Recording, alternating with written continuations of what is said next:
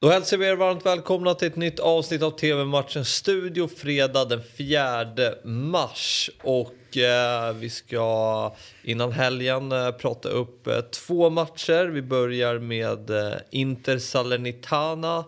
Eh, det är ett Inter som, ja, det, vad händer egentligen? Det, Ja, det är ett nytt ångestmöte då. Ja. Det, det var ju ångestmöte, eh, alltså förra veckan pratade vi om ångestmöte. Mot Genoa. ångestmöte mot Genoa. 0-0. Liksom, hur skulle det kunna vara det? Ja, och sa vi att vi får se om vi får en reaktion eller inte. Någon slags reaktion fick vi, men den var inte tillräckligt bra i alla fall. Eh, och nu är det ett nytt ångestmöte mot ett nytt eh, bottenlag så att säga. Och, och eh, Salernitana är ju förbaskat trubbiga måste jag säga. Håller ju spel och saker och ting uppe bra. Men har ju förtvivlat svårt att göra mål. Och det är Djuric där framme med Ribéry där framme. Och så är det Bonazzoli kanske. Det är, Avdankat. det är, det är, det är, det är trubbigt värre. Va? Så att, men med det sagt så förlorar de ju inte matcher. Nej, de kryssar ju. De kryssar ju. Eh, Så, att- så att, eh, Som alltså, förr eller senare så kanske någonting händer. Vi får väl se. Va? Jag har dock väldigt svårt att... Alltså jag tänker att... Ja, att inte liksom... eh, Ja, men nu, nu måste det ju hända någonting. Alltså, nu måste det bli ketchupflaska. Ja. Nu måste det bli 4-0 eller 5-0. Tänker jag. Men all press på Inter. 100 000 procent. Ja.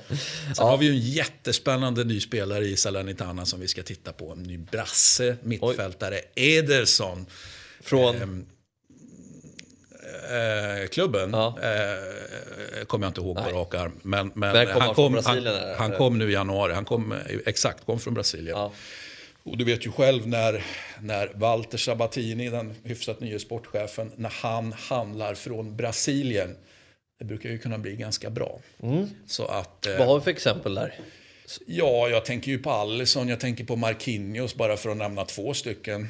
Eh, så att, så att, eh, han, han är bra på Brasilien. Eh, och eh, Ederson också en av de spelarna, de 11 som kom in i laget under januari i, Ja, det var- i, Salernitana. Det var inte så att man köpte 11 utan det var liksom tre som man då, de, de övriga är ju lån. Ja. En av dem som de la pengar på. Sen lånade de ju liksom Perotti. Är du med? Gammal. Mm. Liksom, det är ju en sak. Det, att, att man gör klart med honom. För han hade ju inte kontrakt med någon.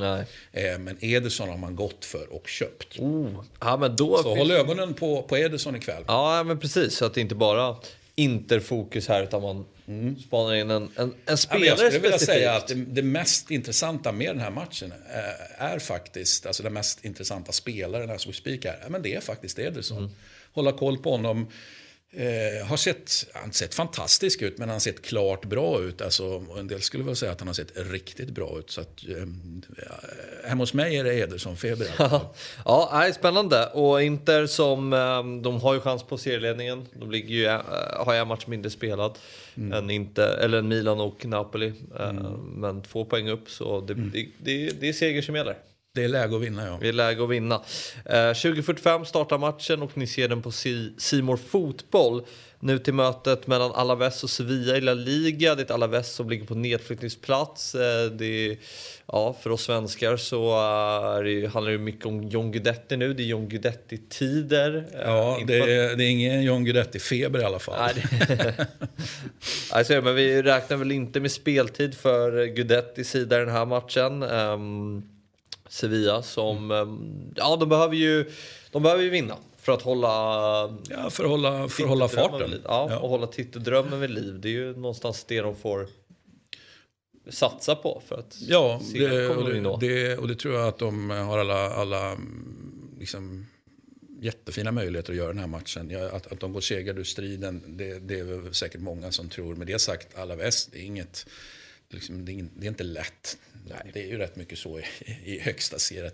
Det finns liksom inga lätta matcher på det sättet. Alaves eh, har spottat upp sig under säsongen och sen får vi se om de fortsätter att spotta. Liksom. Det känns lite grann som att de har dippat igen då. Men, men eh, vi får väl se. Det finns ju ändå någon slags kvalitet där tycker jag. Även om kvaliteten såklart är oändligt mycket större eh, hos Sevilla.